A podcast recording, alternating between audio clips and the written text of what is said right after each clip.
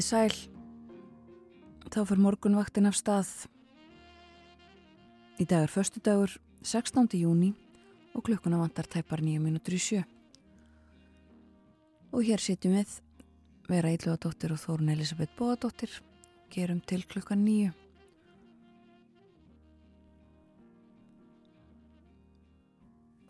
Byrjum á að líta til veðurs.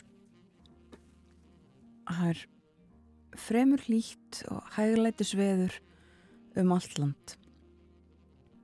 Hægur vindur, rétt svo uh, að hann mælist bara uh, mest 6 metrar á sekundu á kortinu yfir það hvernig veðrið var klukkan 6 í morgun. Annars bara logn víða, 1 og 2 og 3 metrar á sekundu. Það var 11 stuða hitti í höfuborginni, 6, klukkan 6 í morgun, 11 stuða hitti skíjað og norðvestan 1 metri á sekundu, líka 11 stuða hitti á Kvanneyri. 12 stuða hitti á Holtavörðuheiðinni, þar voru 6 metrar á sekundu, mest í vindurinn og logn allskíjað og 13 stuða hitti í Stekishólmi. 10 stuða hitti á Patricksfyrði og 12 stuða hitti í Bólungavík. 13 gráður á Holmavík og Logn, 15 steg að hiti og skíjaði litlu ávík. 14 steg að hiti á Blönduósi, 13 steg að hiti við Söðunisvita og líka 13 steg að hiti á Akureyri. Þar var skíjað klukkan 6 norðan 1 metri á sekundu. Logn og 10 steg að hiti á Húsavík og logn og 12 steg að hiti á Rauvarhöfn. 11 steg að hiti á Skjaldþingstöðum og 15 steg að hiti á Egilstöðum klukkan 6 í morgun lett skíjað og vestanátt 1 metri á sekundu. Nýjustega hitti á höfni Hortnafyrði og á Kvískerjum, hægur vindur, 11 stega hitti á Kirkjubæjaklustri og Logn. Nú það var 10 stega hitti á Stórhöfða, 3 metrar á sekundu, 13 stega hitti í Árnesi, 2 metrar á sekundu þar. 10 stega hitti á Hveravöllum og í Sandbúðum og á Káranhjókum. 11 stig veiðvatnarhaunni og 15 stig að hitti á grímstöðum. Og þá að spánni og við erum auðvitað með hugan við daginn í dag en kannski ekki síður morgundaginn, líðveldistaginn. Jú, í dag er spáð suðlæri átt þremur til 10 metrum á sekundu en 8 til 13 norðvestan til á morgun á lögadag. Það verður skíjað sumstaðar og dálítil væta yfirleitt bjartviðri á norður og austurlandi en líkur á stöku síðdegi skúrum þar á norður og austurlandi. Hittinn 10 til 23 stiga deginum en hlýjast í innsveitum austanlands. Já, það er ekki útlitt fyrir eh, stórar breytingar í veðri. Það eru ekki í kortunum, skrifar eh, veðufræðingur veðurstofu í eh, morgunsárið. Það er, já, mikið til samasagan, suðlega eða breytilega átt skíða með dálítilli vætu, lít á Östurlandi og svo kemur auðvitað mánudagur eftir þessa helgi frá með mánudegi er útlitt fyrir breytilega ráttir vætu með köplum á víðodreif og kólnar hægt og bítandi í veðri, segir veðurstofan í dag. Það líður á sumarið en fer kólnandi engu að síður. Já. Samkvæmt þessu. En sem sé spáinn fyrir morgundaginn 17. júni ágætt með að við dálítil rigning um vestanvert landið en bjarta mestu þóku súld við ströndina. 10 til 25 stig yfir daginn og hlýjast fyrir austan eins og verið hefur.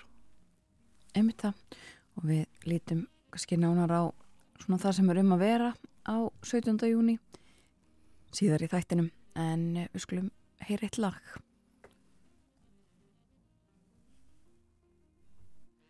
Eina húfu átt ég mér er hún úr prjónabandi veit ég enga vætni hér á landi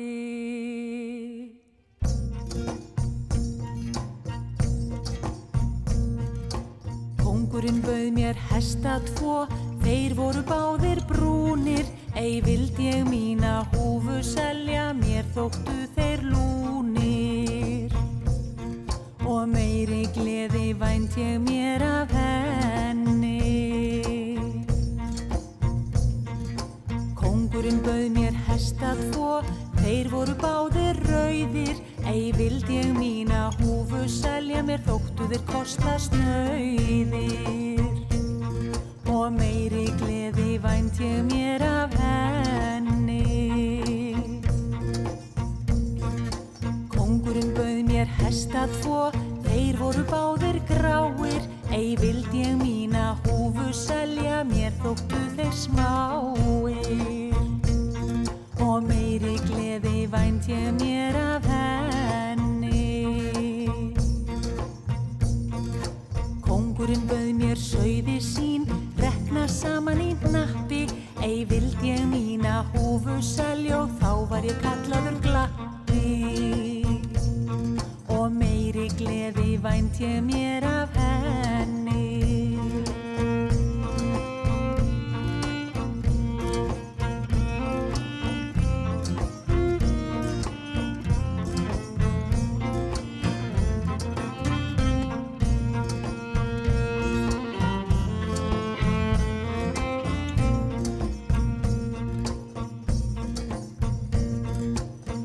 Kom þar eitt gamall karl með sinn loðin feld. Bauð mér tvær síldir soðnar og þá var húfan seld. En meiri gleði vænt ég mér af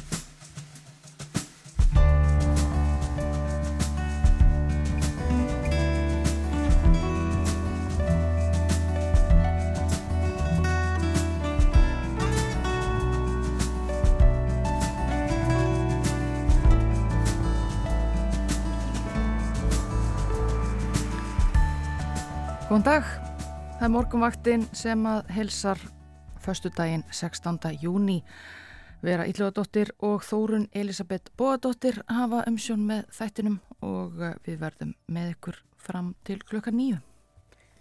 Sameinlegur narsissismi verður til umræðu í þættinum í dag. Hvað er það? Jú, það er hugtak sem hefur rutt sér til rúms undanfaran ár og vísar til útblásunar trúar einhvers á ágætti húps sem viðkomandi tilherir. Bjarki Þór Grönfeld, lektor við Háskólan og Böfröst, hann veit meira um málið og ætlar að útskýra fyrir okkur upp úr klukkan halv åtta. Og á morgun er 17. júni, liðveldistagurinn og ímiskunar dagskráum land allt í tilefna því. 17. júni er auðvitað frídagur, nema þegar hann ber hvort sem er upp á frídag eins og á morgun. Jón Þorvaldur Heiðarsson er talsmaður þess að breyta frídaga fyrirkomu lægin okkar. Hann segir okkur frá því eftir morgunfréttinnar klukkan átta. Já og uh, það verður auðvitað mikið um að vera á morgun uh, og einn af mörgum viðburðum á höfuborgarsvæðinu á þjóðatöðadaginn er Sagnavaka, þjóðdansafélags Reykjavíkur. Þar verða sungin forn kvæði og vikivaki stíin og gleðin hefst á þeim þjóðlega tíma 1944 annað kvöld. Þáttakendur og gestir eru kvartir til að mæta með skotthúur. Við fáum til okkar tvo af skipilegjendum sagnavökunar. Það eru tveir ungir þjóðdansarar, Alli Freyr Hjaldarsson þjóðfræðingur og Karl Fridrik Hjaldarsson tónlistamæður. Þeir koma til okkar upp úr hálf nýju. Og já, svo letið um 17. júni um liðveldistægin og uh, þá skulum við líta til veðurs og sjá hvernig það verður. Þegar ég var á ferðinni snemma í morgun fyrir klukkan 6 þá var uh, verið að slá gras í nágrunni við hljómskólagarðin. Undirbúningur sem satt á fullu og verið að gera borgina hugulega og það á vendanlega við viðast hvarum landið. En eh, veðrið í dag fyrst, það er suðlega átt, hægur vindur 3-8 metrar á sekundu og skíða með köplum en lengst af þurftum landið vestanvert og bjartað mestu austan til, þó stöku skúrir þar eftir hátegi.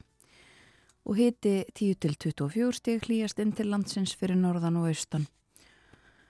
Á morgun, lögadag, líðveldisdag, suðvestlega átt 3-8 metrar á sekundu en 8-13 norðvestan til. Dálítil regning um vestanvert landið en bjart að mestu austan til og sumstaðar þóku súld við ströndina. Hitin á morgun 10 til 25 stig yfir daginn hlýjast í einsveitum austanlands. Ekki miklar breytingar samsagt um helgina veðrið á sunnudag svipað en uh, frá og með mánudegi er útlitt fyrir breytilegar áttir vætu með köplum ja, á við og dreif og því að það kólni hægt og bítandi í veðri. Hitin þó alltaf átjón stegum á norðausturlandi á mánudag og uh, líka á þriðjudag en svo á miðvöggudag uh, þegar að sumar sólstöður eru þá er gert ráð fyrir því að hitin á landinu verði yfirleitt á bylunu 8 til 13 steg og uh, regning eða súld með köplum svo í kortunum um, einhver staðar á landinu næstu daga. Þetta er svona, við sáum í frettunum í gerðkvöldi um, fjallaðum þetta ótrúlega blíðveri sem hefur varað lengi að bæða á norður og austurlandi. Frettamenn Ríkisútursins á Akureyri og Egilstöðum um, létt klættir annar bara ofan í heitum bóti og uh, gríðarlega gott viður og fólk að nýta sér það og það er kannski eins gott því að uh, þessu blíðveri verðist alltaf að ljúka í byli í næstu viku. En það er ekki mikið um uh, sérstakar tilkynningar um, um færð á vegum eða, eða framkvæmdir, það er alltaf á þessum tíma eitthvað um framkvæmdir og líkt og í gær þá minnir við að gerðin á að það er nýlögð klæðning viða um landið og vegna einmitt hlýjendana fyrir norðan og austan og þá hefur orðið vart við blæðingar slillagi og það getur skapað hættu og því er fólk hvað til þess að fara valega en annars eh, eru bara framkvæmdir hér og þar og fínt að kynna sér kynna sér leiðina sem maður ætlar ef að fólk er á ferðum landið.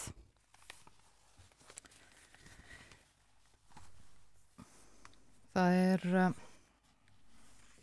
flott mynd á eh, fórsviðu morgunblansins í dag. Hún er af uh, kérinu í Grímsnesi. Loftmynd, kannski tekin úr dróna. Eldrauð og glæn í bílastæði við kerið í Grímsnesi hljómar fyrirsögnin á fórsviðu morgunblansins. Það hefur fjöldi bílastæða við kerið í Grímsnesi hefur verið tvöfaldaður til að anna eftirspurn. Óskar Magnússon, einn rekstrar aðila Kersins, segir að með framkvæmdunum sé einnig verið að auka öryggi ferðamanna sem sækja kerið heim og það sem veikur aðtikli við þessi ágætu bílastæði er að í þau eru notuð rauðamöl sem er náttúrulegt efni af staðnum og fellur að mati Óskars betur að umhverfinu en Malbygg. Þetta er eh, hluti af uppbyggingu á svæðinu en eh, setna stendur til samkvæmt myndateksta að smíða gestastofu við kerið með salernis aðstöðu fyrir bæði starfsfólk og gesti. Eh, mynd af kerinu á fórsviðu morgunblasins og þessum eldrauðu nýju bílastæðum sem þar hafa verið sett upp. Annars er fjallaðum fjallað um uh, kvamsvirkun á fórsíðu morgunblæsins við heyrðum af því fréttum núna áðan klukkan uh, sjö frá fréttastofu. Á uh, fórsíðu morgunblæsins er vitnað í Guðlaug Þór, Þórðarsson umhverjus orku og loftslagsráð þeirra sem að uh, segir þetta koma eins og þrjuma úr heiðskýru lofti. Úrskurð að úrskurðar nefndum umhverjus og lindamála hafi felt virkunarleifi landsvirkunar fyrir kvamsvirk kvamsvirkun úr gildi. Fjallaðan um þetta í morgumblæðinu rétt eins og hér í ríkisútarpinu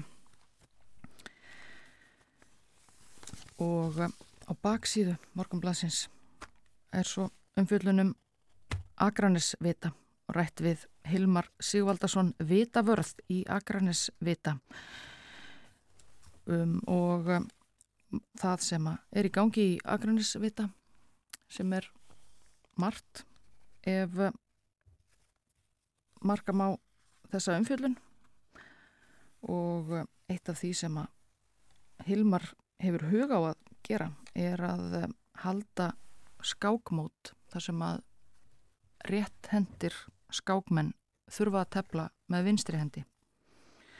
Þetta sé honum ofarlegi huga, segir Hilmar og um, ég verður spennandi að fylgjast með því hvort það af þessu verði og, um, og hvernig takist til. En ímislegt uh, í morgumblæði dagsins að öðru leiti.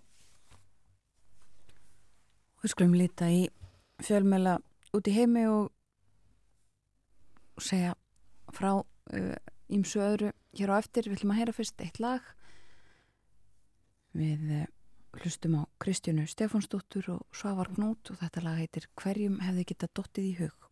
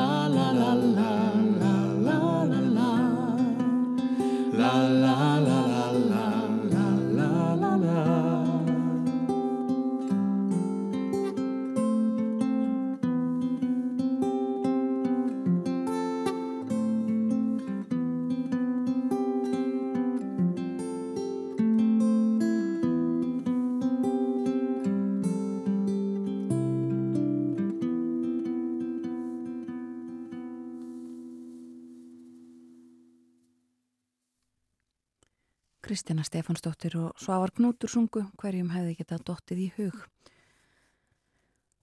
Og uh, við lítum aðeins út í heim. Við uh, byrjum á að nefna það sem var svona helst í fréttum í gerðmorgun uh, sem að er þessi sjóskaði undan ströndum Greiklands þar sem að Óttast er að mörg hundru manns hafi látist druknað þar þegar að uh, skip eða bátur sökk þar fullur af uh, fólki, farand og flóta fólki. Báturinn á leið frá Líbíu og ætlaði til Ítalíu hefur verið sagt en alltaf 500 eru enn saknað og uh, Grísk yfirvöld hafa handtekið nýju manns grunaða uh, smiglara sem að eru taldir hafa uh, skipulagt þessa ferð og stjórnað þarna. Og uh, þessir nýju einstaklingar á leiði réttarsal um, og enn er verið að leita þriðja dagurinn nú þar sem verið að leita uh, að fólki. Og mótmæli hafa brotist út uh, í Greiklandi vegna stefnu bæði Greikja og Evrópusambansins í heild í málefnum flótafólks og töluverð umfjöldunum um þessi mál uh, víða í erlendum fjölmjölum. Við rættum þetta um stöðu flótamannamála í heiminum öllum í gær ef að Bjarnadóttir frá UNICEF var hér hjá okkur og við komum aðeins inn á, inn á uh, þessi mál um, og það hefur verið greint frá því að uh, það séu kringum 70.000 mann sem hafi komið uh, til þessara svona ríkja í Evrópu sem að eru fyrir botni miðjarhafs og fá til sín flest fólk. En áfram heldur sem sagt leitt og líka má kannski nefna það að, að það er talið að uh, mjög margir hafi látist á þessari leið uh, frá árunni 2014 það hafa verið skrásett yfir 20.000 döðsföll og kvörf á þessum uh, tíma. Þetta er hættulegasta leið uh, flottamanna. En það er þó líka talið að, að fjöldin sé töluvert uh, meiri. Þetta mikið í frettum um, ef við lítum aðeins á breskublöðin þá eru þau uh, nánast öll já með umfjallanir um þessa skýslu sem við líka náðum að koma að sinna við gerðmorgun sem að skila var um uh, framferði Borisur Jónsson fyrirverandi fórsættisráð þeirra um, misjátt hvernig uh, tekið er á málunum á þessum fórsíðum örfáar örfá af þessum blöðum sem eru bara með Johnson í liði, það er ekkert hægt að orða það öðruvísi um, og uh, það að þetta sé og taka undir það að þetta sé einhvers konar árás uh, gegn honum. Og segja að uh, þingmenn í heldsflokksins hafi verið brjálaðir yfir þessu, uh, þessum niðurstöðum en, en nefndin komst að því að Boris Johnson hefði logið vísvitandi að þinginu. Um, það hefði hann gert uh, oft og hann hafi gerst brotlegur oft. Og uh, hann hafi líka um, grafið undan líðræðinu og uh, önnur blöð uh, nokkur segja einfallega á forsjöðunum uh, með undirmynd af Johnson legari. Og svo líka fjallaðum það að, að íheldsflokkurinn og Rishi Sunak ekki síst fórsættir á þeirra núverandi ætla að gera allt sem í sínu valdi stendur til þess að hindra það að Boris eigi endur komu í stjórnmól í Breitlandi og eh, eins og segir í fórsýðu fréttinni á The Times að uh, þá segir að þetta sé uh, þetta séu endalógin fyrir Boris. Þetta þarna hafi uh, verið skorið úr um það. Hann fari ekki aftur í stjórnmál eftir þetta og þessa niðurstöðu en meirum þetta. Síðar við fylgjumstöðu þetta með áfram. Ætlum að nefna að koma aftur hinga heim. Nefna það við erum ekki með ferðarspjall í dag en ætlum að þess að nefna ferðamál. Það eru 93 flug sem að fara frá Keflavíkur flugvalli í dag. Og það komu frettir fyrir þessari viku um, eða í síðustu viku, lók síðustu viku um brottfarir erlendra farþega frá landinu. Það fóru 158.000 manns uh, frá landinu í nýleginum mæmániði. Þetta er samkvæmt talningu ferðmálastofu. Þetta er annar stærsti mæmániður frá því að mælingar hófust. Brottfarinnar voru um 96% af því sem þær meldust í mæ með árið 2018 og fjóruðungur brottfara var tilkomin vegna bandaríkjamanna einn af hverjum fjórum sem sagt eh, frá bandaríkanum. Langstæsti hópurinn, 41.000 manns um, og þannig hefur þetta svo sem verið lengi en um, miklir bara yfirbyrðir held ég að með segja. Á saman tíma þá fóru 55.000 farþegar um aðra flugvelli landsins en Keflavíku flugvell og eh, ef að COVID árin 2020 og 2021 eru frátalinn þá hefur farþegahópurinn þar ekki verið svona fámennur í e, áratug. Og e, þetta er líka frett á turista og skýringin á þessari þróun skrifast að hluta til á slemt veður því það þurfti að aflýsa nokkrum fjölda brottfara í mæ Og svo er líka viðbúið að það verði nokkur samtráttur í tölunum fyrir akureyrar í sumar því að næsér er ekki lengur í loftinu en félagið fór sína fyrstu állunaferði í júni í fyrra. Og þá fjölgaði farþugum á akureyrar um 44%. Nú mun svo aukning vantanlega ganga tilbaka. En á sama tíma má reikna með aukningu og reykjavöglflugvelli vegna þess að e, þeir sem lenda í Vasmýrinni á engafótum eða fara þaðan í útsýnisflug eru meðtaldir í, í tölum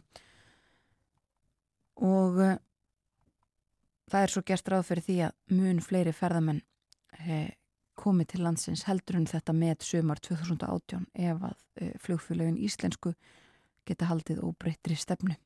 Það koma líka fleiri skemmtiferðarskip til landsins en áður og flugfélagin íslensku eru farin að keppast um að fá ferðamenn til Íslands. Ekki lengur uh, áherslan á tingifarþega sem að millilenda bara og fara svo áfram ekkert annað. Og uh, auðvitað vakna spurningar um það hvort að uh, það sé verið að setja of mikinn þrýsting á Ísland hreinlega með þessu. Of margir sjövæntanlegir og of mikið uh, gert? Við svörum ekki þeirri spurningu hér og nú. Það líður að yfirleiti morgunfrétta. Fáum það frá fréttastofun eftir fjórar mínútur rúmar svo snúum við aftur hér á morgunvaktina ætlum að ræða ímislegt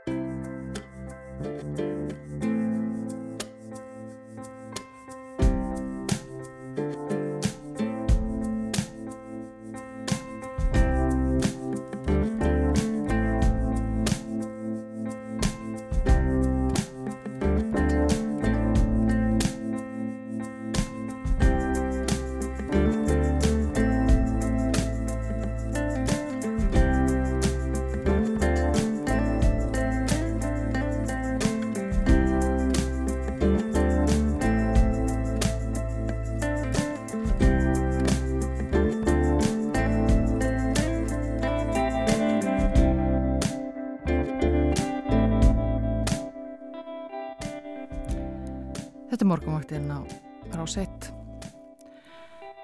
Það er förstudags morgun 16. júni, klukkan orðin rúmlega hálf átta. 17.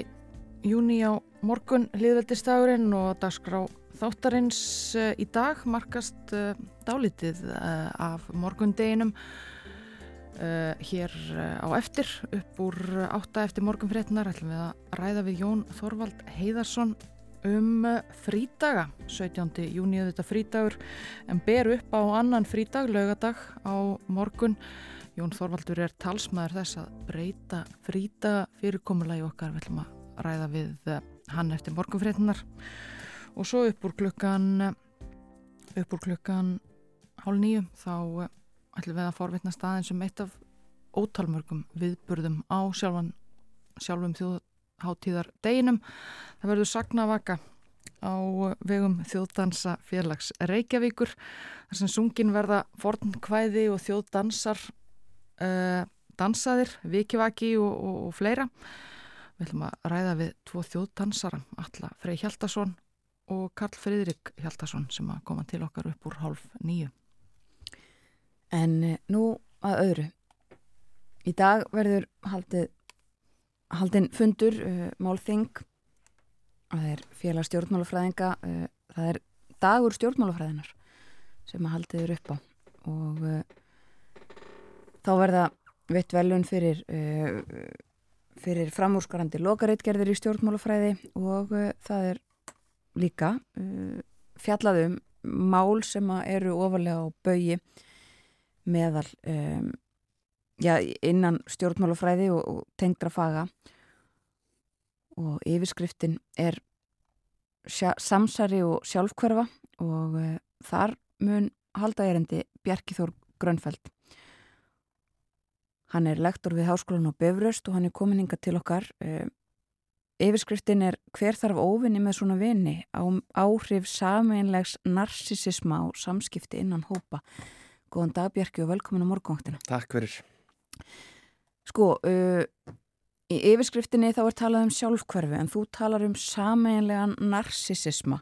Þú verður eiginlega að byrja á að útskýra heldur fyrir okkur bara hvað uh, þetta hugtak felur í sér sameinlegur narsisismi. Já, þetta er sérst hugtak sem ég gerði dóttórsýrgerð um og ég er búin að fara í marga ringi með orðsefjarnar, hvernig ég nákvæmlega þýða sagt ennska hugtakið collective narcissism En sammeilur narsism er svona húttæki sem ég hef allavega lenda á því að sko stundum hefur, eins og þú vísar til hefur þetta verið þýtt sem sjálfkverfa. Það er vissulega svona ein vítin af narsisisma en það eru fleiri, það er sjálfkverfan sem er svona þetta að dásta sjálfum sér. Það er hégóminn, það að sjá gull og græna skóa og svo líka sjálfselskan, svona þessi sem að hrinda öðrum undir, undir strætóin.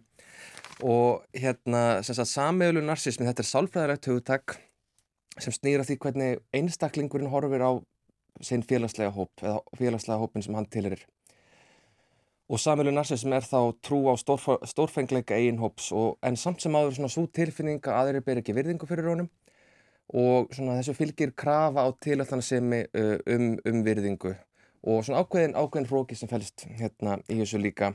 En þetta er að einhver leiti sem á að segja svona ný nálgun á þjóðinsíkju allan að nýju vitt þjóðinsíkjunar en einhver sigur samhælur narsismi getur átt við um hvaða hóp sem er, það getur verið já, þjóð en það getur líka verið stjórnmálaflokkur íþjórnalið trúarbræð, uh, bara ósum fara með hvaða hópur sem að mögulega kemur í hugan Ok, þannig að þetta er svona uh, svo litið, já eins og segir þetta getur átt við um ímislegt um, mm -hmm. Um, förum aðeins lengra mynd með það þetta er um, tengist einmitt, margt af því sem hún segir þarna sko, það er svona kunnulegt einmitt, eitthvað svona um, trú á ágætti eigin hóps og uh, já, uh, svona þessi tilfinninga að, að þú, þú og þínir líkir fái ekki uh, svona réttan mhm. sess mm -hmm. sess í þjóðfélaginu mm -hmm. um, Eh, sko, og hvernig tengist þetta eins og segir eh, þjóðurnisíkju og hvernig er þetta ólíkt? Sko bara svona til dæmis, bara til að taka þetta því hvernig þetta er ólíkt að þá þjóðurnisíkja, náttúrulega ef hún er stæk þá tengist hún svona árásakirni og neðkvæm við þórum til annara en samilu narsismi þarf ekki að gera það það fer allt eftir því sko hérna hvernig þú, semst að þú sem einstaklingur í þínum hópi skinnjar hinn hópin, skinnjar hann sem til dæmis sem ókn eða ekki eða, og sérstaklega skinnjar hann sem óknu ímyndina. Og það er sem samfélag narsismi það sem að hann sker sig frá svona sambarlegum mútökum eins og þjóðninsíkja er þetta að þú kannski svona sleikir upp fólk sem þú heldur að mögulega líki vel við þig eða vilt að hann líki vel við þig og svo sparkar niður til þeirra sem þú telur að já, séum einhverjum hætti að ógna svona þinni ímynd og hérna þeir sem eru háir en með háan samfélag narsisma þeir eru ofurnæmir fyrir ógn og sérstaklega ógn gagvart ímynd hópsins og eru mjög mikið svona hlusta eftir að reyna, reyna að grýpa hérna eitthvað í málflutningi hinna sem gæti verið talið sem, sem móðgun, eitthvað svo leiðis. Já, og það eru til leiðir til þess að greina þetta, einhverju svona kvarðar og, og uh, já. Já, þetta er og hérna, þetta er, eins og segja, sálfræðilegt hugtak og hérna, bara mælt með spurningalista. Og það er ekki svona, hérna, maður er alltaf að reyna að venja sig á, þú veist, öll, allt hérna sem tengist mannlegu eðli er á skala, þannig að reyna að forðast að nota orðið sameinleir narsisistar um, en, og þetta er náttúrulega tilneying sem að hérna bara býr innra með okkur öllum að getur komið upp og þá hérna fer sann kannski bara eftir í hvernig persónu þú ert í hvaða hópið það byrtist, hvort það byrtist sem, sko, sem í tengslu við þjóðverðni eða hvort það bengi, te, hérna, byrtist í tengslu við stjórnmálaflokk, íðurtilið eitthvað svo leiðis. En hérna, þetta á sér sálfræðilega rætur. Það má segja að samfélag narsismi sé uppbót fyrir óuppfylltar sálfæðilegar þarfir. Það eru til dæmis fólk sem finnst ekki verið við stjórn og einn lífi. Það er líklega til þess að þróa mér sem sammeila narsisma. Uh, fólk með látt sjálfströst og jafnvel fólk sem er með óta við það að vera yfirgefin. Þetta er svona, svona uppbót fyrir svona, hérna, einhver innri, innri vandamál og þú, þú hýfuru sjálfvarnið upp með því að rífast með hópunum sem þú tilir.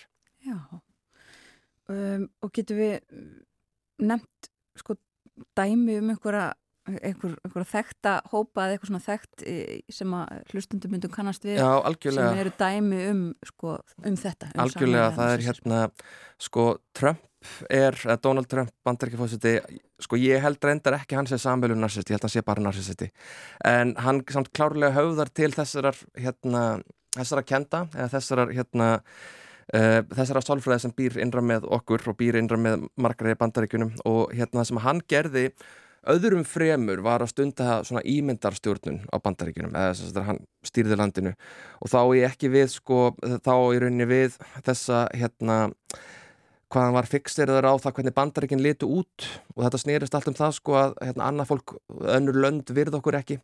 Og ég gerði þess að rannsókn uh, í bandaríkunum eða á bandarískum þáttakvöldum sem ég mun kynna með þá degi stjórnmálafræðinar og eftir um hérna hvernig hann og, og, og bandarækjumenn hérna, uh, stunduði ímyndarstjórn í COVID-faraldarnum og það kom semst til ljós að samvölun narsismi tengdist því að uh, vilja hætta að uh, gera COVID-próf til þess að hérna láta tölutan líta betur út, ég veit ekki hvernig munið eftir því en á þessum tíma þá var enda lusti fréttunum, þetta er 2020-2021 það sem var þú veist, það voru 100 smitt á Íslandi og það voru 30.000 í bandaríkunum og þetta mörg í Breitlandi og þetta mörg annar staðar og þetta mörg mm -hmm. hér og hann stakk upp á því að það væri, það væri nú bara til einu mjög einföld og góða lausnum þessu og það væri bara að hætta að testa þá, hætt, þá myndi bandaríkin ekki, ekki lengur koma illa út úr þessum samanbyrði og þetta er mjög gott svona dæmi um sko hvernig sagt, þessi sammeilin narsismi bygg, uh, byrtist í svona mikilvægum hérna,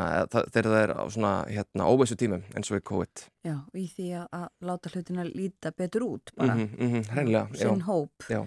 Og eru þá, ég meina, myndur þá segja að stuðningsmenn Trump heilt yfir væru dæmi um sameinlega narsisisma eða einhverju litlir hópar þarna innan eða hvað? Já, sko hann allavega klárlega hérna, höfðar til hérna, höfðar til þeirra sko og en ég held samt að hann alltaf kannski galdur verið hann var að hann náði að höfða til svo hérna óbáslega fjölbreyts hóps eða fjölbreytara hérna mörgulti fjölbreytara skoðana en hérna þetta er eitt af því sem hann hérna klárlega hérna uh, höfðaði til og annað dæmi sem ég gerir líka rannsóknum sem var um hérna, ég veit ekki hvað lustundur mér eftir því en það var hérna þeirra uh, leita allt út fyrir það að rússar eru undan með bóluefnið þá vildi Trump sem sagt hérna uh, byrja að bólusittja fólk í bandaríkunum með bólefni sem var ekki klárað. Var, eða var ekki tilbúið sem er náttúrulega gefur auðvitað leið að hérna er uh, stór hættulegt en einhver síður þá hérna er það svona dæmi um ímyndarstjórn og það er mikilvægt fyrir marga að vera á undan og það tengir sammeila narsismannu líka að það vilja vera á undan, vera hérna verið samkeppni og vinnana. Já og það hjálpaði ekki að rúsinska bólefnum að kalla spútnik þannig að það fór ennþá verið í suma sko. Og þú veist skoða þetta líka í Breitlandi þar sem mm -hmm. þú varst í, í doktorsnámi Já og hérna það er einmitt svona sagt, uh, ég sem sagt byrjaði doktorsnámi 2019 þannig að það er bara rétt hérna rétt árum COVID byrjar og þegar COVID byrjar þá svona hérna vakti það svolítið aðtekli mína að þá var sem sagt hérna Brexit í gangi og ég fylgist með öllu hérna uh, öllu þýferli Og, en þegar COVID byrjaði þá hérna, sagt, var Breitland ennþá í sem var þá að kalla þetta millitímabil það sem voru sagt, hérna, uh, þeir voru ekki hluti af, sagt, ekki formulega hluti af Europasambandinu, voru ennþá, einhver síður ennþá hluti af öllum stoflunum þess. Og hérna Europasambandi bauði Breitum að vera með í það sem var þá kallað hérna the ventilator scheme eða bara hérna svona afgerðapakki til þess að kaupa hérna nöðsynlega byrðir fyrir, fyrir sjúkurás og lif og slíkt.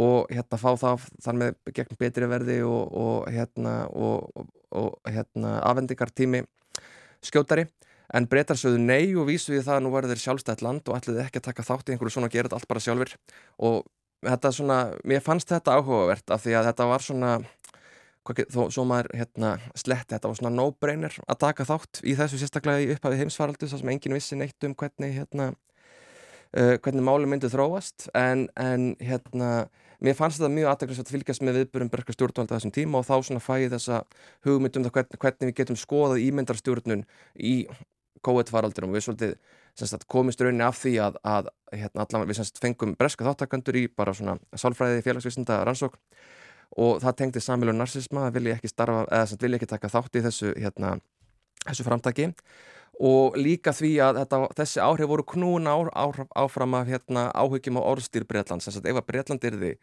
með í þessu þá myndir orðstýr Breitlands út á við uh, bíðan ekki. Já, og væntalega uh, án þess að þú kannski hefur skoðað það allt en væntalega kannski margt í, í Brexit málum almennt sem væri hægt að skoða í tengslum við þetta Já, sko narsisismi náttúrulega það er eitt af enginum hans að sko hérna, hann tengist að því að taka svona skamtíma ákvarðanir sem gagnast þetta skamstíma og þá út frá egoin, út frá því hvernig, það, hérna, hvernig þú lítur út í rauninni. Og hérna bara fyrir þá sem hafa fyrir sem Breitlandi þá er það augljóst að, hérna, að Brexit var svona uh, skamtíma, þetta var skamtíma egobús sem þið fengu út en núna er svolítið hérna, afleðingarnar komið ljós sko langtíma afleðingarnar og það, þetta er svolítið svona narsismin að þú veist, reyka sig, þú veist, á veggi að vera að taka svona hérna, skamsínar ákvarðanir sem svo koma í baki á þér setna og mm. Brexit hefur sannlega gert það, ég held að sé ekki þetta deilum það sko. Nei, sko narsisismi um, eins og þú fórst yfir í byrjun, það sjálfkvarfa kannski ekki alveg svona það sem næri yfir þetta en, en þetta er mjög neikvægt hugtak mm -hmm. um, En svo er eh, líka mitt bara, þú sagði það áðan, fólk með liðlið sjálfströst eða sjálfsálit getur eh, verið að hættara við þessu og svona, hvernig tengist, eh, eða tengist það eitthvað svona sjálfsálit og stjórnmálaskoðanir?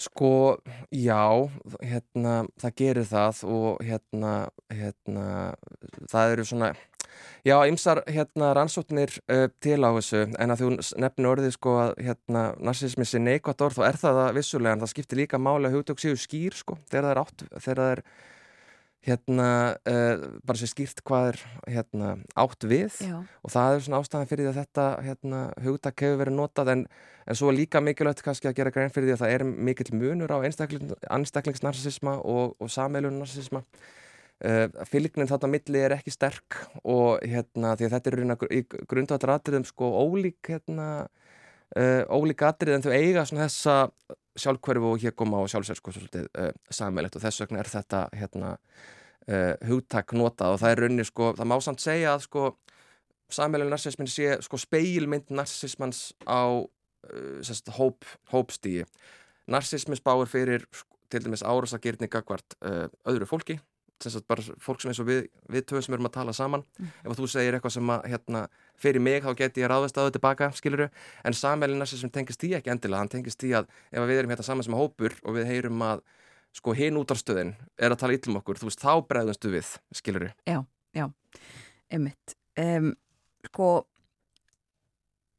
hver eru áhrifin af þessu, eða ef við veltum fyrir okkur þessu sem hugtæki og, og ykkur sem hefur áhrif á mhm, samfélög mm -hmm. um, ef við horfum aðeins fram í tíman hvaða afleðingar uh, hefur þetta hverjur áhrifin af, af því að fólk sé uh, sameilegir narsisista? Sko það er um, fyrsta lagi þá tengist þetta mjög sterkum hérna, böndum við uh, samsæriskenningar, trú og samsæriskenningar og svona leitin að óbeinum bæði innan og innan og utan og samstæðiskenningar eru náttúrulega mjög svona aðlagandi fyrir fólk sem er hátt á samiljónu narsisma út af því að það er bjóðosn upp á ytri skýringar á, á innri vandamálum sko. Og hérna um, þannig að það hérna er hættulegt. Og um, svo náttúrulega tengist þetta sem ég er endur ekki búin að ræða núna en fordómum, gagvart öðrum hópum og sérstaklega þetta er segjum í bandarækjunum og í Breitlandi og, og hérna þessum valdamærlundum og tengist þetta náttúrulega kvítriði þjóðvöldninsíkju líka í því í því samengi og hérna, en það sem er samt sem aður áhugavert sko að, að hérna, um, það er rannsóttir sem hafa verið gerðar það sem heitir bórið saman með til landa um, það kemur ljós að samölu narsismi er sterkastur í löndum sem eru sem sagt, uh, hafa ekki verið hlut af alþjóðavæðingunni. Og það svolítið spilar inn í þessa svona teórium að þetta, þetta er svona fyrir þá sem voru skildir eftir. Og þá, upp, þá nota þeir þetta sem svona upphafningu Og, en þetta er flókið því að samverður narsismi getur líka átti stað í minnlutuhópum, það getur til í öllum, þetta getur verið í sambandi við uh, kynþátt, kynneið og svo framvegis, þannig að hérna, en þá eru samt byrtingumittinar getur mögulega verið uh, aðrar af því að grunin er samverður narsismi krafa um virðingu fyrir hönd hópsins. Mm -hmm. og það er náttúrulega sumur hópar sem að hreinlega skortir, hafi ekki hlutið, hlutið virðingu sko. Og það eru spennandi rannsvöldin sem eru bara, svo sem bara í hérna sínum árdugum núna og hérna um, á eftir að koma held ég bara margt áhugavert í hérna ljós með það. Já, einmitt. Já, þetta er aðteglisvert allt saman um, og þetta verður til umfjöllunar á samt öðru á þessum degi í dag og uh, uh, þú talar þar, þetta er eftirhátti í dag klukkan 2 og verður hægt að uh, fara þarna, þetta er uh, já, hvað er þetta? Í Háskóla Íslands er það ekki? Veröld klukkan 2 Veröld klukkan 2 Takk fyrir að koma til okkar og, og segja okkur frá sameinlegum narsisisma Bjarki Þór Grönfeld, lektor við Háskólan að Björust Takk fyrir.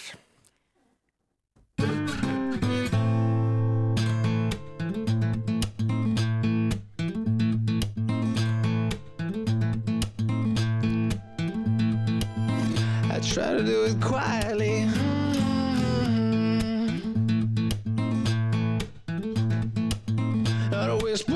like a shark.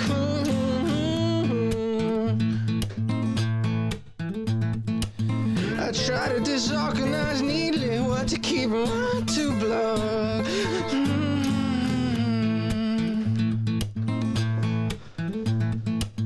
I shout like that old fly.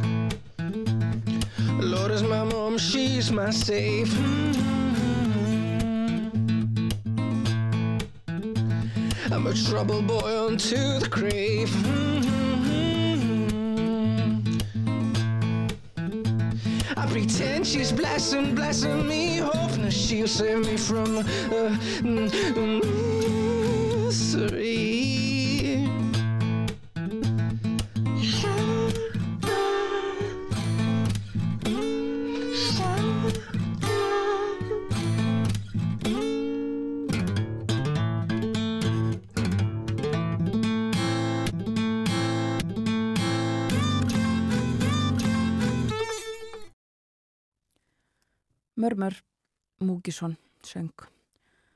Og eh, við vorum að ræða við Bjarkaþór Grönfeld frá Háskólanum á Befuröst um, um hugtak sem hefur verið að reyða sér til rúms á síðustu árum sem heitir eða nefnist sameinlegur narsisismi.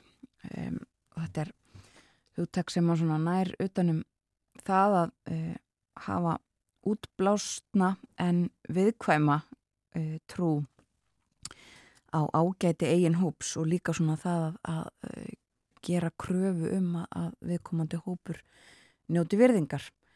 Og uh, Bjarki hefur rannsakað uh, áhrif sameinlegs narsisisma á, á viðþorf almennings í bandaríkjunum og Breitlandi um, um COVID gerði doktorsrannsóknum um þau mál. Náðun reyndar ekki að spyrja hann um það uh, í viðtalinu hvort hann hefði skoðað þessi mál eitthvað á Íslandi en uh, hann hefur ekki gert það við töluðum um það við hann. Um, en langar að gera það. Og þetta er svona fremur nýtt uh, rannsóknarefni sem að og hann saði okkur líka að það veru fjöldin allur af áhugaverðin rannsóknum sem væri svona í starthólunum eiginlega. En við förum að hleypa fréttastofunni að það er uh, komin tími á morgunfréttir fyrst nokkrar auðlýsingar svo ætlum við að ræða um frídaga og ekki síst vegna þess að 17. júni eru þetta morgun líðveldistagurinn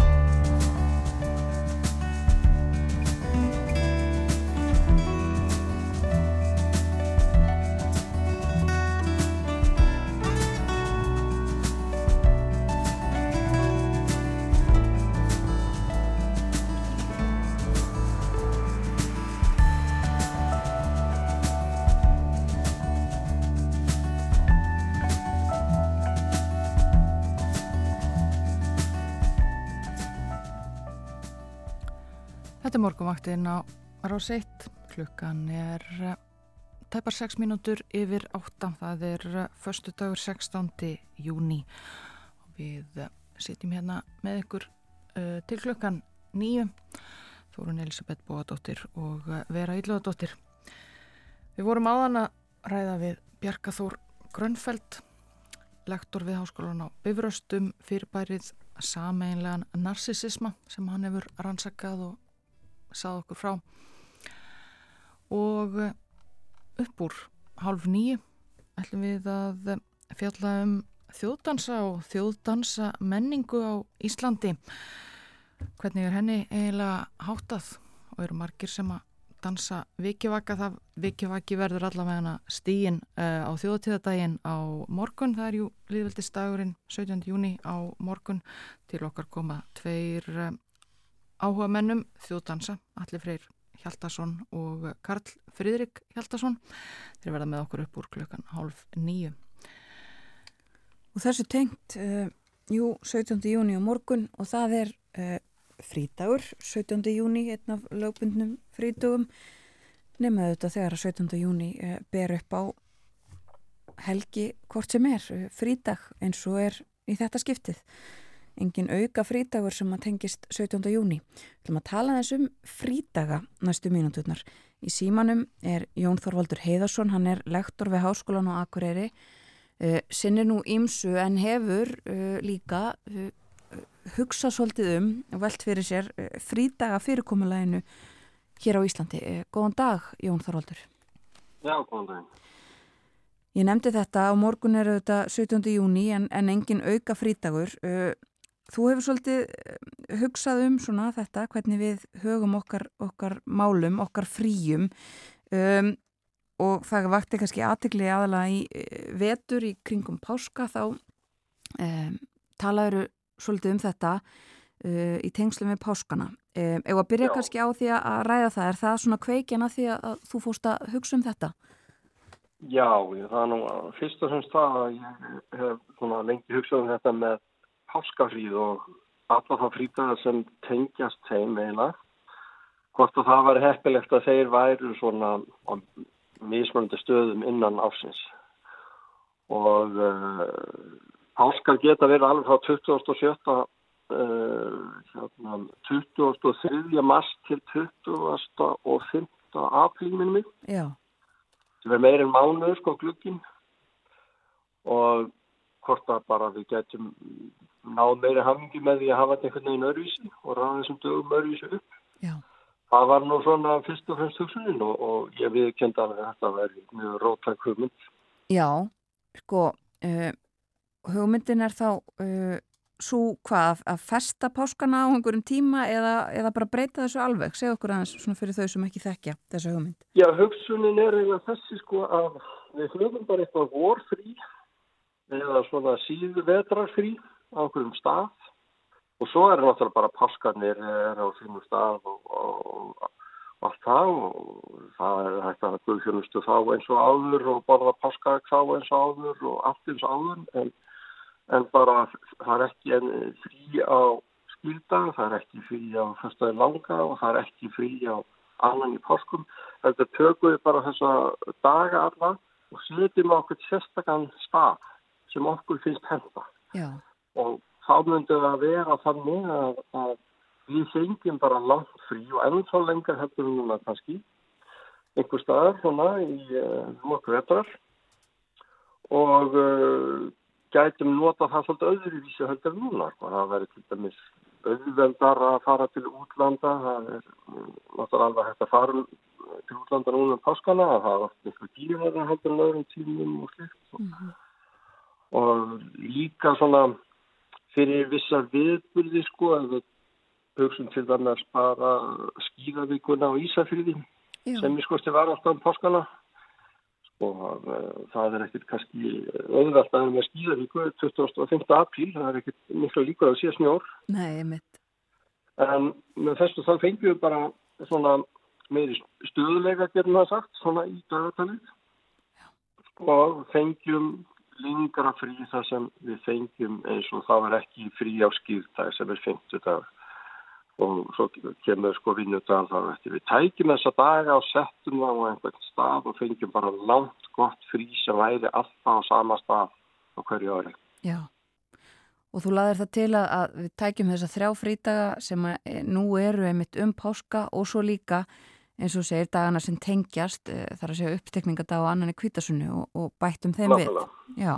Já, þannig að allir þessir uh, dagar myndu, myndu detta út sem frídagar en um, hefur fengið einhver uh, viðbröð við þessum hugmyndum þínum?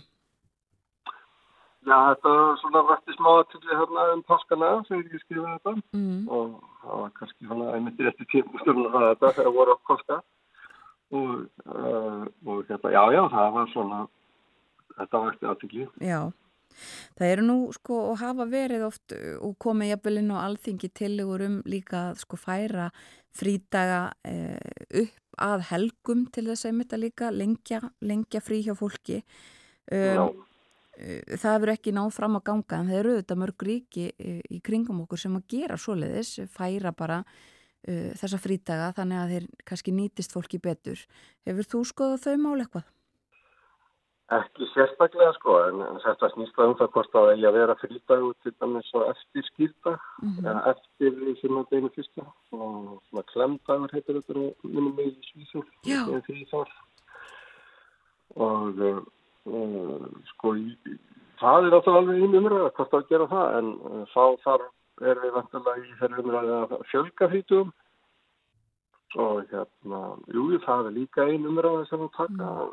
við erum að styrta vinnuvíku eða svona, svona okkar framtíðar sem er svo að vinna minna hættur en núna. Eða bara að fjölga fýtjum eða það en, um, en sko eins og með skýrtaði sko það er svona, kemur það svona klemdaður og eftir. Ef við tökum skýrtaðin og, og bara setjum eitthvað annars stað þá hérna, það halda maður leist en það er náttúrulega spurning um þetta eins og ætti að um, sumardagurinn annar ætti hann, ætti hann að vera frítagur eða og ættu við kannski, svo maður líka bara spyrja, ættu við kannski bara að halda upp á sumardaginn annar og ekki halda upp á sumardaginn fyrsta. Akkurat. Þá er hann, þá er hann á höstu, þá fáum við þekja hérna daga frí. Já, akkurat, þá myndum við bara færa hann og svo er það þetta sem við erum að lendi núna, eh, nokkri frítagar sem eru þetta þannig að þeir geta þeir geta lenda á helgi eins og morgun 17. júni og þá fækkar frítugunum, þá fáum við ekki frí. Já, já, það er sko að þessi sem eru á fastum staðu í dagatalinu, það er svona, það eru svona 5-7 líkur að sé frítagur. En 2-7 í, tvö skipti af hvernig 7 er það ekki frítagur og, og hérna, já, já, það er bara þannig og, og ef við erum að segja hversu margi frítagar er í, í árinu þá er megu ekki reikna þetta sem heila frítaga heldur 5-7 frítaga Einmitt. Einmitt. Þetta eru eins og nefndir sjálfur á þann að svona svolítið róttakar hugmyndir auðvitað að fara að breyta þessu, það eru svona, hefðir í kringum flesta þessa frítaga en, en hefðum er hægt að breyta ef að viljinni fyrir hendi Svo... Já og svo það sem er kannski aðtilsvægt í þessu er það að sko, þetta er bara mjög mismunandi í hennum kristna heimi hvort þessi dagar eru frítagar eða ekki. Akkurat. Og sko uh, allir þessi fimm dagar uh, þeir eru ekki frítagar einhver staðar hérna í kringum okkur og það er alls konar sko mismunandi á, á, á milli landa og jáfnvel innan landa þetta var bara annar í páskum, hann er víðast frítagur en hann er til dæmis ekki frítagur í Skotlandi. Einmitt. og ekki í öllum bandaríkjum en sumstæði bandaríkjum en, en allir þessir fimm dagar eru sko ekki frítagar einhverstaði kringum okkur. Þannig að það er eins og segir það er alls konar hefðir. Já. og við erum þá hefðið að hafa þetta frítagar en það er bara alls ekkert alltaf þannig. Og þess að það er ekkert einhver áráð á kristnina að sjá þess að þóttu að þetta var, var ekki fýtjar á þessum dög því að það er bara þannig í hennum kristna heiminn hingað á hóka mm -hmm. Akkurat. En sko Jón Þorvaldur þú nefnir líka og hefur nefnt sko það að, að það er auðvitað síðan mjög ójöfn dreifing frítaga yfir árið. Það eru engi frítagar á hausti og alveg fram til jóla ekki frá uh, frítagi veslunmanna.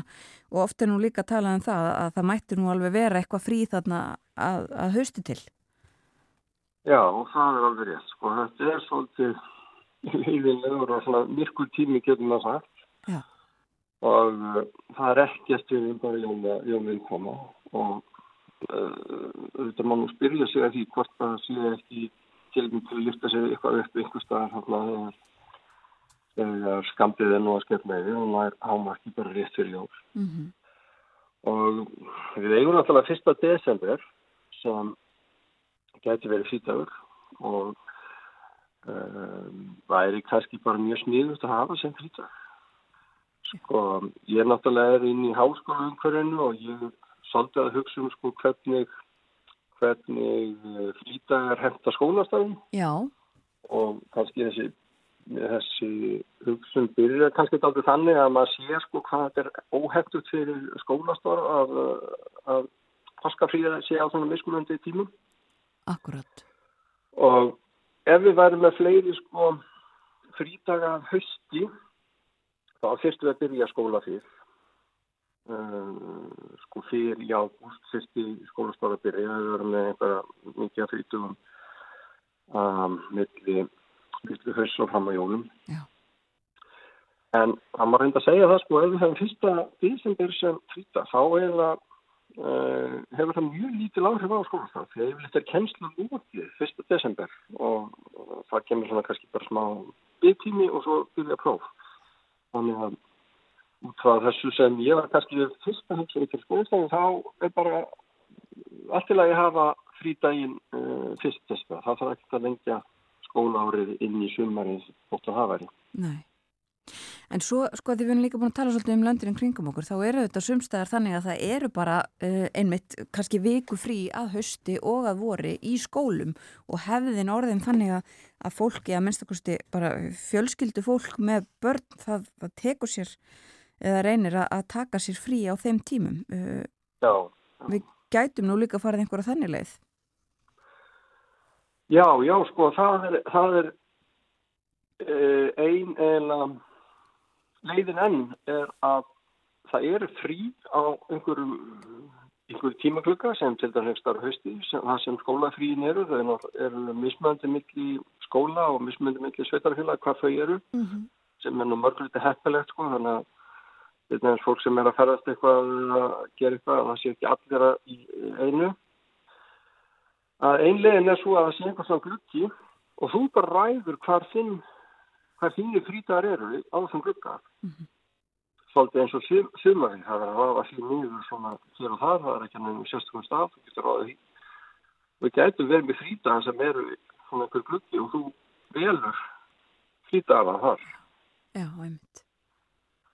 Einmitt. Og þú... en ef við myndum gera Já, fyrir nei, fyrir ekki, hvað séu ef við myndum gera þetta þá erum við náttúrulega að hérna, þá erum við náttúrulega auka frítagana mm. nefnum við tækja aðeins stafnastar eins og, og hugsunni var hjá mér varandi páskafríð og þá erum við náttúrulega komin með svona kjálsanningsatriði og slíkt. akkurat.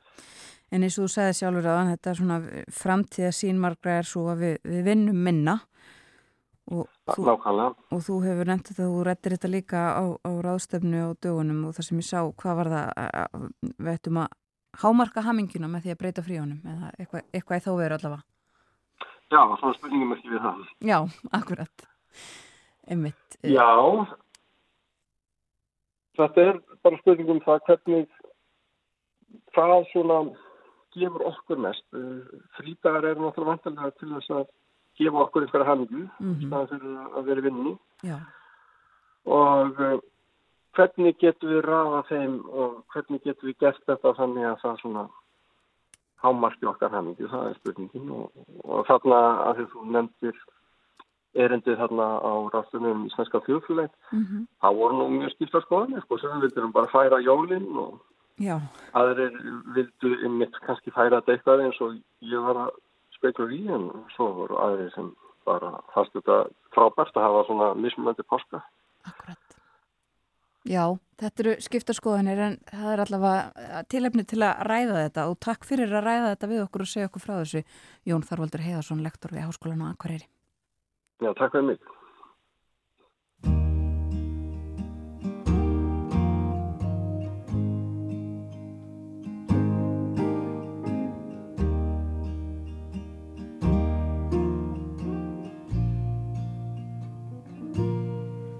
Fram í heiðana ró fann ég bústað og bjó þar sem byrkið og fjalldrapinn grær. Þar er vistinn mér góð, aldrei heyrist þar mjóð, þar er hímininn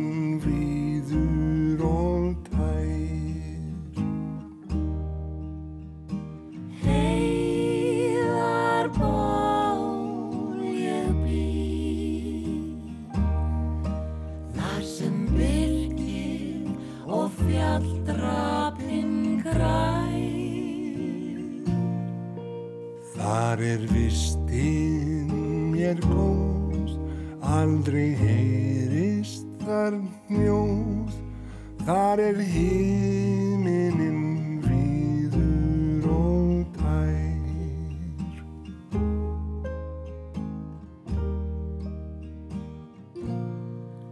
Mörginn stein hljóðu kvöld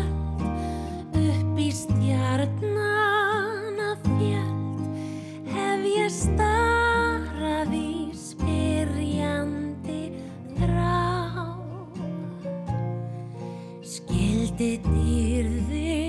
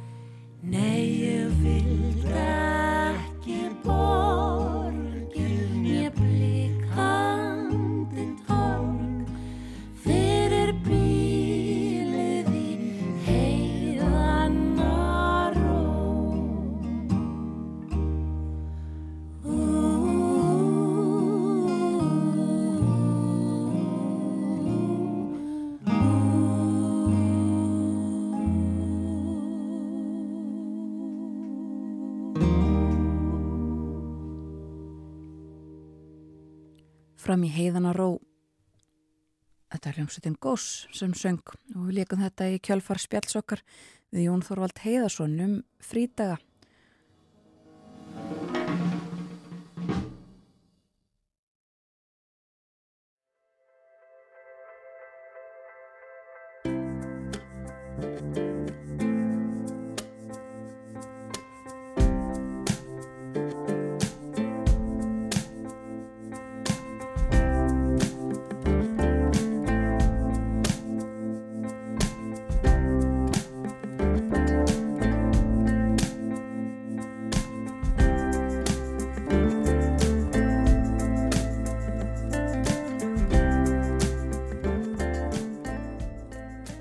frídaga. Sælan í þurfið að hlusta á morgunvaktina á rás 1. Klukkan orðin leðilega hálf nýju þennan föstudags morgun. Það er 16. júni í dag. Við höfum setið hér frá því snemma í morgun og gerum í um það byrj hálf tíma í viðbútt vera Íllúadóttir og Þórun Elisabeth Bóadóttir. Og við höfum komið viða við og eh, verið svona með smá, uh, smávegis með hugan við þjóðhóttíðina, uh, líðveldistægin sem er á morgun. Við rættum hér fyrir frettæflitið við Jón Þorvald Heiðarsson, hann er lektor við uh, Háskólan á Akureyri og hefur svolítið velt fyrir sér frítugum og því hvort við hefum að breyta fyrirkomulagi frítagana okkar. Við uh, hann svona fór að hugsa um þetta uppálega út frá því að hún er fast páskafríið uh, trublandi í skólakerfinu og skóla uh, samfélaginu. Það að það getur uh, verið á svo ólíkum tíma sem að var svona óþægilegt finnst honum. Og uh, fór þá að velta þessu fyrir sér hvort það væri ekki hægt að gera breytingar. Og hann leggur til að, að uh, páskafríinu verði breytt þannig að það verði á förstum tíma fimm daga frí með helgi sitt hverjum einn við. Og þannig fái flestir nýju daga frí einhver tíman að vori á fyrirsjáanlegum tíma og svo rættum við þetta um 17. júni og e, aðra frídagar sem að geta borðið upp á helgi eins og, eins og fyrsti mæ þá fáum við ekkert auka frí frítugunum fælkar og svo er það þessi dagar e, að auki sem að eru á e, 50 dugum eða e, geta verið. Já, um meðja viku og svo hugmynd hvort að það er að færa þá að helgum eða ég vil bara fjölga frítugum haldi upp á sömadaginn annan og þar fram eftir göttunum En uh, nú ætlum við að halda áfram að velta aðeins fyrir okkur já, 17. júni og tengdum málum. Já, það verður auðvitað ímislegt um að vera uh, um all land á 17. júni og meðal þess sem að íbúar höfuborgarsvæðisins geta gert á þjóðtíðadaginn það er að fara á sagnavöku sem að haldin verður á ægibar við laugaveg 2 á eh, að kvöldi þjóðatíðadagsins uh, 17. júni Sagnavaka uh, samkvæmt lýsingu á viðbyrðinum uh, þar verða forn kvæðinsungin og vikivaki stíin tveir sagnadansar teknir fyrir og uh, já, dansaðir og þessi dagskrá hefst á þeim uh, þjóðlega tíma 1944 44 mínútur yfir uh, sjö og eh, að þessum viðbyrði stendur eh, þjóðdansafélag Reykjavíkur og eh, þeir Alli Freyr Hjaldarsson þjóðfræðingur og Karl Fridrik Hjaldarsson tónlistamæður á samt öðrum. Og þeir eru hinga komnir á morgunvaktina. Góðan daginn og verið velkomnir. Góðan daginn. Góðan dag, takk fyrir. Já, uh, byrjum bara á þessu. Segið mér aðeins frá hvað er Sagnavaka? Um, Sko, sem sagt, ég vil meina að þessi viðburur hafi orðið svolítið til þegar að þegar hann allir freyr, við erum sem sagt hálbræður, við erum búin að vera í þjótansafélaginu og höfum farið víða um Norðurlöndin og upplifað þjótansamenninguna þar. Og okkur langar svolítið að sjá kannski eitthvað svipað þessu hér á Íslandi. Og sem sagt, hann Þorstir Björnsson sem er einna meðstofnendum Ég viðkynntust í gegnum kórastarf og hann hefur hennan rosalega, þessa rosalegu ástriðu fyrir, fyrir sagnadönsum og, og kvæðunum á bakvið á og vildi fá að vita meir um dansin tengdum þeim. Og ég var bara að segja honum bara, heyrðu þú verður að kynast honum alla, hann, alveg, hann er að skrifa um þetta í þjóðfræðinu og þið verður að kynast og svo gerðist það bara núna fyrir stuttu að þeir loksins hittast og, og þá eiginlega bara fer þetta af stað. Og við viljum bara hérna, finna bara staðsetningu og, og geta búið til eitthvað vettvang fyrir aðra eins og okkur sem að hafa rosalega áhuga á sagnadönsum og, og þessum kvæðum til þess að geta hýst og, og hérna dansað og sungið uh, vikivaka og aðra sagnadansa. Já, þetta er sem sé á, á morgun á þjóðatíðadaginn en þetta er reglulegur viðbörður fyrir utan það. Já, við höldum sem sé sagnaðvökunna einu sinni mánuði og reglan átti nú að vera að halda þetta annan lögadag mánuðar en, en það hefur svona uh, farið svolítið fram og tilbaka mm -hmm. en já, við sem sé ákvaðum að, að reyna að smala saman fólki í miðbæri Reykjavíkur á lögardagskvöldi og koma saman og syngja og dansa saman. Og þó svo að síðan svo er tveir dansar sérstaklega teknið fyrir þá höfum við dansað í svona rúman klukkutíma og dansarnir eru mislangir, sumir geta alveg tekt sig yfir heilan klukkutíma en aðrir eru kannski 5 mínútur eða 10 mínútur. Mm -hmm. og við höfum haft það þannig að, að við veljum tvö kvæði að hverju sinni. Um, á, þessi sem við höfum tekið fyrir eru nú yfirlegt á íslensku. En síðan reynum við að hafa aðra melodíuna úr íslenskum heimildum en síðan fáum við kannski hína lánaða frá færi þeir eru með alveg virkilega ríka hefð þar fyrir þessu og mm -hmm.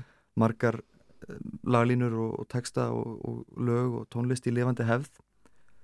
Og þá gefum við út texta og hljóðdæmi og, og nótur með mánuð, eða svo reynum að hafa mánuða fyrir og það textum við ekki alltaf. En já, bjóðum fólki að koma sem sé, búið að vinna heimavinnuna sína og þegar fólk sækir fleiri viðbörið þá gefst því tækið fara að læra fleiri kvæði. Og sum kvæði hitt í mark og önnur ekki.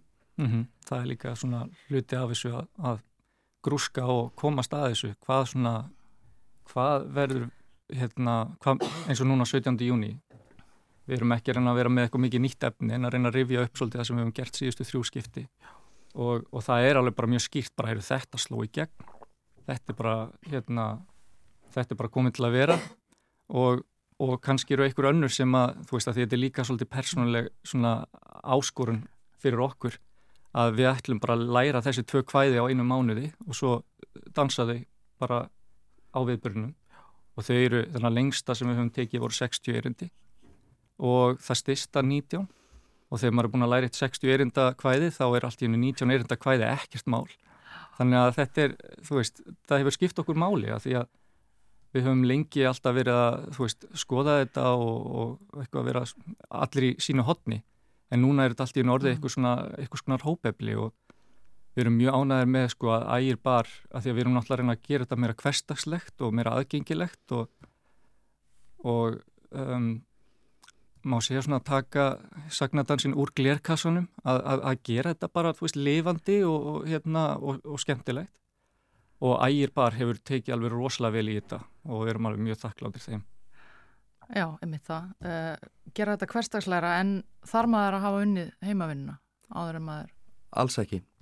Uh, hvæðin eru þannig byggðu upp að það er yfirleitt kall og svar og þau eru reyndar mismunandi byggðu upp sem eru kall svar, kall svar í hverju erindi. Þetta er ofta ekkert mikill text í hverju erindi og fólk, það, ég, ég veit náttúrulega ekki alveg hvað er það út úr þessu kannski mm -hmm. beint en, en það er hægt að hlusta, það er hægt að uh, það eru alls ekkit allir sem hlusta á textan heldur líða bara með í dansinum og láta reyfingun og rytman og, og tónlistin og samsöngin leiða sig.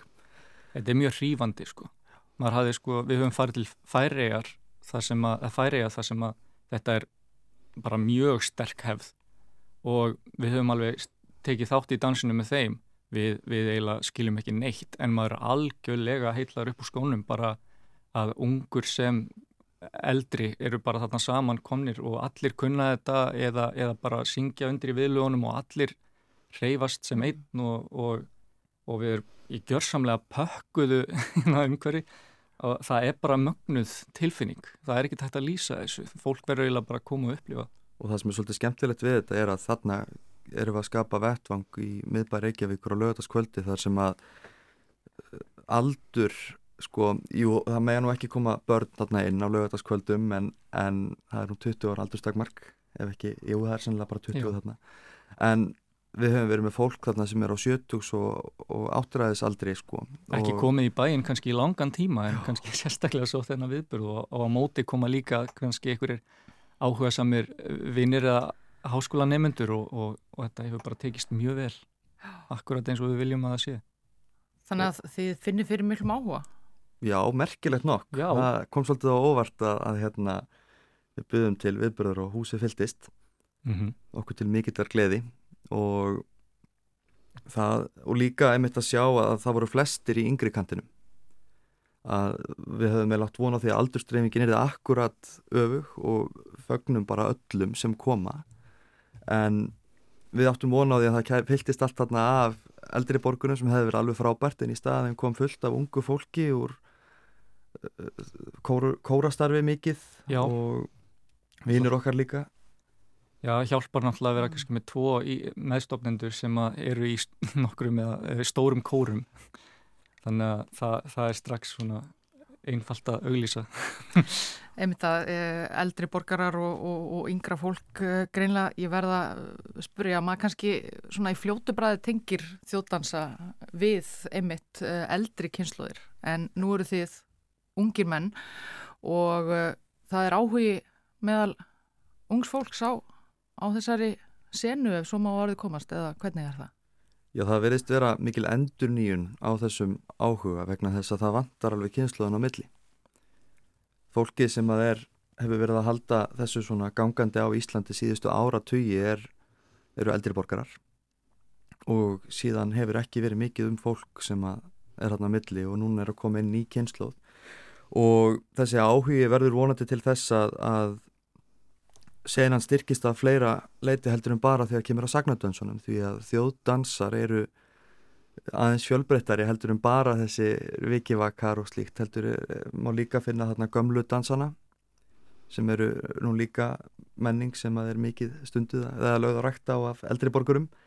En þannig eru líka sögulegir dansar og í rauninni má segja að, að svo menning, dansmenning á Íslandi sem að er stunduð af fólki og lifir með fólki og lærist mann af manni og að það séu raunverulegir þjótansar og þess vegna er þetta hugtak sem þarf stöðugt að endur skilgreina og vettvangin með. Allir, þú ert þjóðfræðingur og uh, rannsakar þetta, þú lifir og, og hærist í þessum heimi. Já, svolítið mikið. Það fylgir mér. En hvernig kviknaði ykkar áhugi á Uh, ég kom inn í barnastarf hjá þjóttansafélaginu þegar ég var krakki og þar stóð til bóða að fara til útlanda sem ég hafði aldrei gert aður.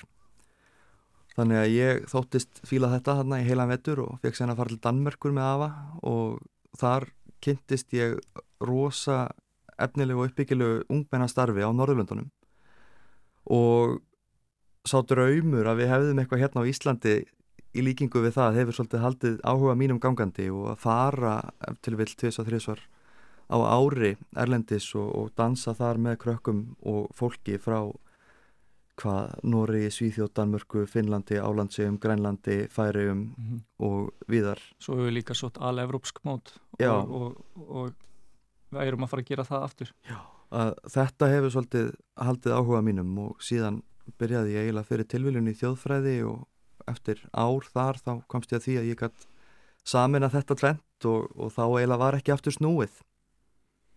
Já, ég er fyrir um listansari og 2016 þá var ég að ljúka við síningar hérna á söngleiknum Billy Elliot og átti allt í hennu fullt af frítíma og þá var náttúrulega bara, kemur hálbróðu minn og bara sjanghæjar mig strax inn í þjótansafélagið og það var bara að löngu að við fórum uh, í fyrstu sérstaklega utalansferðina saman svona ungmennamót í Finnlandi.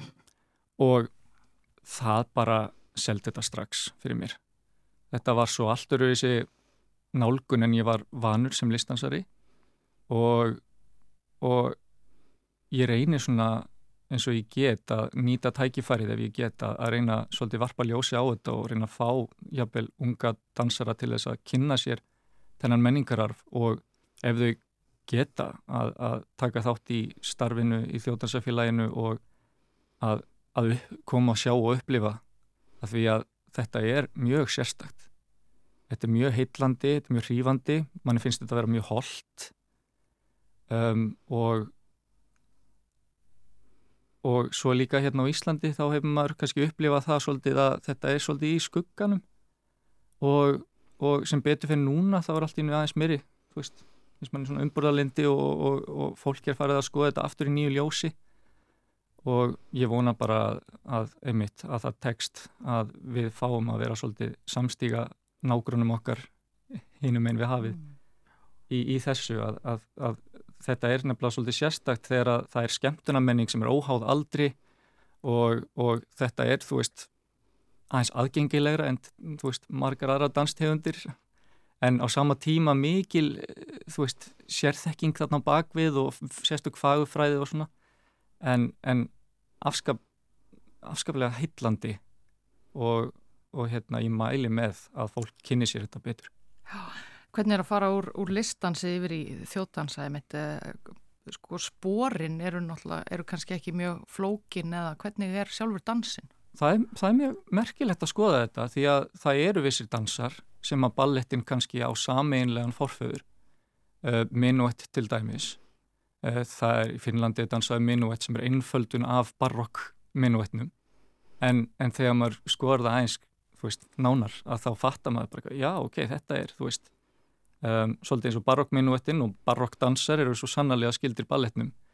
Maður upplifir kannski fyrst að þetta sé eitthvað svona pínu einfalt eða eitthvað en svo bara fattar maður að maður þarf aðeins að breyta hugsunahættinum þetta er miklu meira spurningum eh, mannlegt hengsl og, og hérna og hópefli og, og hérna það er ekkert sem að ég man eftir úr listansinum sem að er eitthvað líkt því að vera allt í nú komin upp á eitthvað eitt svið sem er pakkað af fólki frá mörgum löndum og það eru allir að stíga sömu rútínuna eða, eða hérna með mismunandi variasjónir sem eru kannski einhvers konar uh, sérkenni þeirra landa að því að hvert land er kannski með sama dansin en öll löndin eru með sín sérkenni.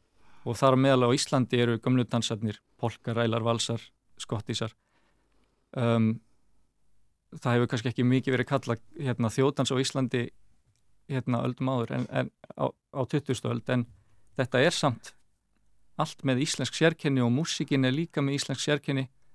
Og það er bara mjög merkilegt að skoða þetta og, og sjá ymitt hliðstæðunar hvað er öðruvísi um, og það er líka gaman allt í að koma sem ballettansar inn í þetta og, og hérna geta einhvern veginn nýtt styrkleika sína. Það, uh, já, því að við nefnt hérna nágranna lönd okkar og það er svona, þessi hefð er miklu sterkari þegar maður hugsa um þjóðtansa, þá kannski hugsa maður einmitt um færiar, um Noreg og svona, en það hefur ekki verið þessi sama menning hér, en við búum þó að þessum, að þessum arfi. Þegar hugmyndunum þjóðdansa sem slíka fyrir að berast til landsins, þá er það í, í kjölfar þjóðverðnis uh, reyfingarinnar á Íslandi. Og fyrst byrtist það í skrifum fræðimanna um þjóðdansa og þá eru er fræðimenn svolítið að skrifa sig frá Danmörku. Og þá snýst þetta svo mikið um það að sína fram á að við séum Íslandingar þar sem við erum ekki danir og við erum ekki að yfka þessa dönsku menningu, við heldur erum við íslenska menningu þó svo að í dag vitum við að þetta er allt, það er allt innflutt á Íslandi en síðan gerist það að, að hinga kemur uh, upp úr 1906 kona Hulda Garborga nafni sem er svo sem að innleiðir þjóðdansa og bunat eða þjóðbúninga í Noregi. Hún kemur til Íslands að leita að hennum norræna þjóðdansi. Þetta eru mjög gammaldags hugmyndir sem að standast ekki í dag. En hún kemur hinga og verður fyrir miklu vonbröðum þegar hún finnur eiginlega ekki neitt. En kynist ég manni sem heitir Helgi Valtísson og þau fara saman til Færiða og finna dansinn þar og síðan saman til Noregs þar sem að hulda Uh, stopnar leikring sem var verkefni sem var byggðað því að endurvekja norræna söngdansinn með mjög skemmtilegum svona koreografíum og svona sem eru mjög ja, barnsins tíma. Og Helgi er með henni í þessu í nokkur ári í Norri og kemur síðan til Íslands og árið 1930 kemur út í samstarfi við UMFI eh, lítið hver með tekstum, nótum og danslýsingum á þessum þjóðdönsum sem að eru Uh, þessi íslensku bæði fortkvæði en líka nýri kvæði frá 19. öldinni og það leiðir af sér uh, reyfingu sem að byggir á þessum samnorræna arfi og að, að þessi ný, nýju söngdansar verði að þjótun sem að muni þróast á Íslandi og tónskáld muni semja nýja tónlist og, ný, og skáld muni semja ný kvæði og dansarnir muni, hvað hann skrifaði, óskaði þeir myndi öðrast íslenskan blæ.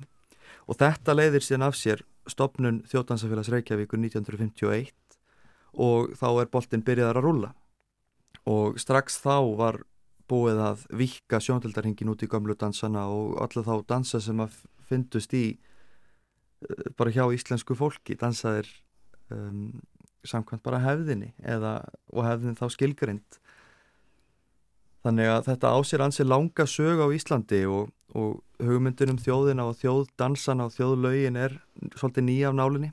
Mm -hmm. þannig að en tengingin við nákvæmna löndu okkar og líka til Breitlandsega hefur alltaf verið þarna og hefur alltaf verið rík og þess ber að geta þessar tekstar, sagnadansarnir Dan, Danir eiga stærsta satnið á Norðurlöndunum. Og margir af okkar tekstum eru þýðingar úr dönsku. Og ég voru við búin að kynna heina meðlemi Sagnavöku teimisins Kára Pálsson og Þorstein Björnsson sem er ekki hérna með okkur núna.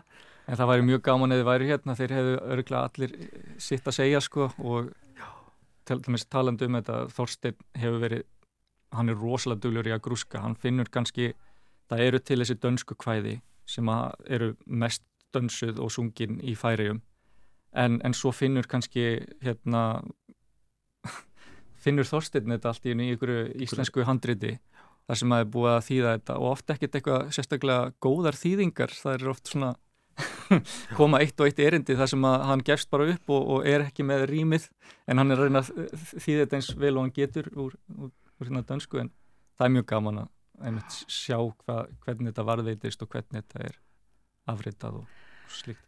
Þetta er greinlega uh, mikil fræði. Hvernig er það? Kemur fólki í þjóðbúningum?